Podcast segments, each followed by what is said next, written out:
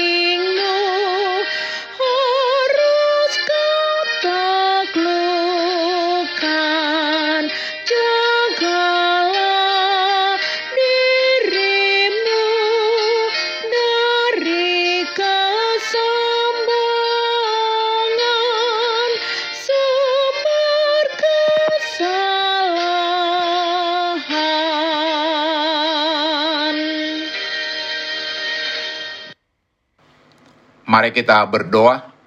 Tuhan Yesus, di pagi hari ini kami hendak merenungkan firman-Mu.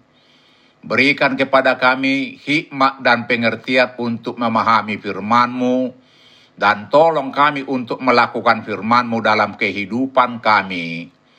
Amin.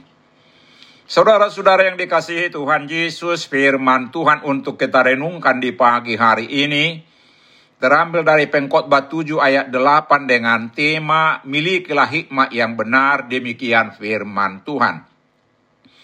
Akhir suatu hal lebih baik daripada awalnya. Panjang sabar lebih baik daripada tinggi hati. Dalam perikop ini diminta agar memiliki hikmat yang benar. Karena dengan hikmat yang benar, kita akan mampu membuat keputusan yang tepat dalam berbagai situasi dan kondisi. Melalui ayat hari ini secara khusus diingatkan bagi orang percaya, segala sesuatu akan berakhir dengan baik. Juga agar kita senantiasa panjang sabar dan jangan sombong. Sikap demikianlah yang berkenan bagi Tuhan. Hari ini kita merayakan ulang tahun kemerdekaan Republik Indonesia yang ke-76. Dalam perayaan hari ini diingatkan bahwa sejak 76 tahun yang lalu, kita sudah merdeka terbebas dari penjajahan Belanda selama 350 tahun dan dari penjajahan Jepang selama tiga setengah tahun. Kita bersyukur untuk para pejuang kita yang rela berkorban dengan keberadaan mereka diberkati Tuhan untuk kemerdekaan kita.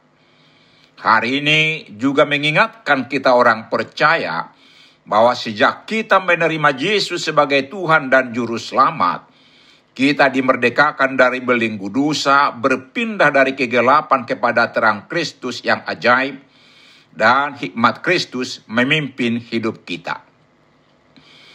Saudara-saudara yang dikasihi Tuhan Yesus, sebagai orang percaya, mari kita terus berserah kepada Tuhan dan berjalan seturut firman-Nya, agar hikmat Kristus menuntun kita berjalan di jalan yang benar.